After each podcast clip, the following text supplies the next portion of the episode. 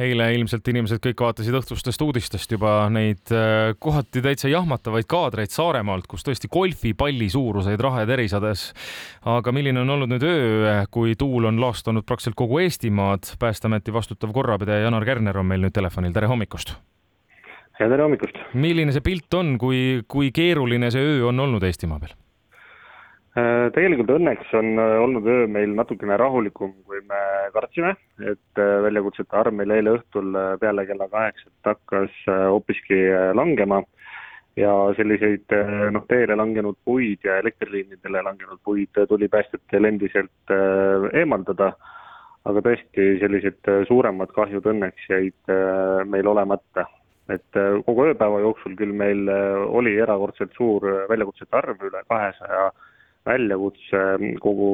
ööpäeva peale kokku siis päästjatele.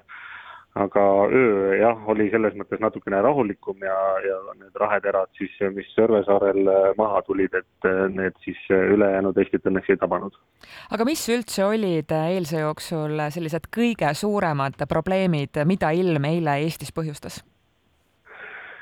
Ütleme, kõige suuremad äh, probleemid on tegelikult endiselt kestavad, et ikkagi äh, circa neliteist tuhat inimest äh, või majapidamist on hetkel ilma elektrita, et see ongi see, mida see tuul ja torm endaga kaasa on toonud ja, ja toob ka edaspidi tõenäoliselt, et kui suuremad tuuled on, siis mingid piirkonnad ilma elektrita jäävad, et see elektrikatkestuste taastamine võtab veel aega ja, ja inimesed peavad siis olema valmis selleks, et, et need, et see elektri taastamine võtab rohkem aega. aga jah, need raheterad seal Sõrve poolsaarel siis olid need, mis tekitasid seal kahju nii kasvuhoonetele, sõidukitele, hoonetele, et noh, see oli selline markantsem asi, mis mis ööpäeva jooksul juhtus, et noh, selline katuseplekkide ja reklaamide rippumine, et see on selliste tormide puhul meil juba tavapärane ja no olid mõningad juhtumid ka sellised, kus inimesed olid siis läinud kas suurtele järvedele või merele, et äh, ei saanud sealt ise enam suure tule tõttu tagasi, et siis äh, vajasid ka inimesed päästjate abi. aga Janar, milline on teie kui professionaali arvamus, kui te äh, vaatasite neid fotosid või videoid, kuidas eestlased üritasid nii-öelda väga leidlikult näiteks sokutada oma autosid kuhugi noh, kas sildade alla või kuhugi isegi elumajade sellistesse nii-öelda varjualustesse, mis ei ole üldse mõeldud autodele, et kas te pigem kiidate sellist eestlaste äh, isetegevust, leidlikkust äh, või läks see kuidagi ka juba koomiliseks? ja mina kindlasti kiidan, et inimesed võtsid äh, riigiasutuste hoiatusi väga tõsiselt, sest tegelikult me näeme, et see torm tabas näiteks Lätit ja Leedut väga karmilt. et Eestil läks tegelikult hästi, et see torm meist niimoodi mööda läks. et see, et inimesed võtavad hoiatusi tõsiselt, proovivad oma vara kaitsta, panid asjad äh, peitu, katsid, äh, noh, see, see on ainult äh, kiiduväärt tegevus, et, et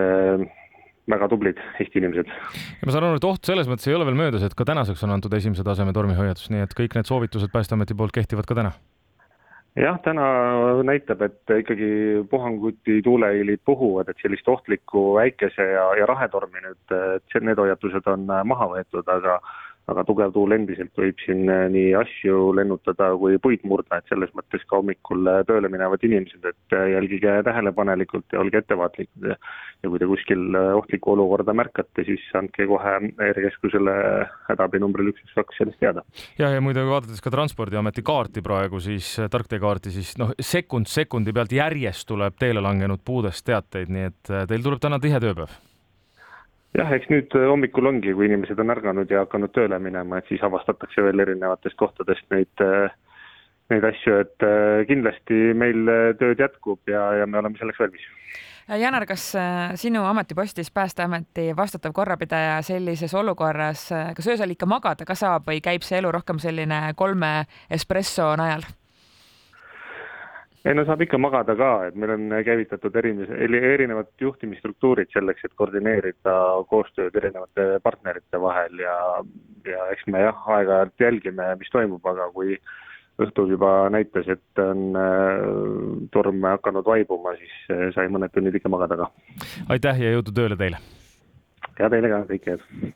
ja muide, sel hetkel just Tallinnas on hakanud praegu tulema niimoodi vihma nagu dušist keegi külje pealt laseks peale, sest et tuul on endiselt väga tugev ja, ja see vaatepilt, mis meile siit stuudioaknast praegu avaneb, see on päris muljetavaldav muidugi. kusjuures ma just tahtsin öelda, et kui veel umbes kümme minutit tagasi oli taevas hoopis teist värvi, olid sellised küll ähvardavad pilved, aga ei olnud mingisugust nagu sellist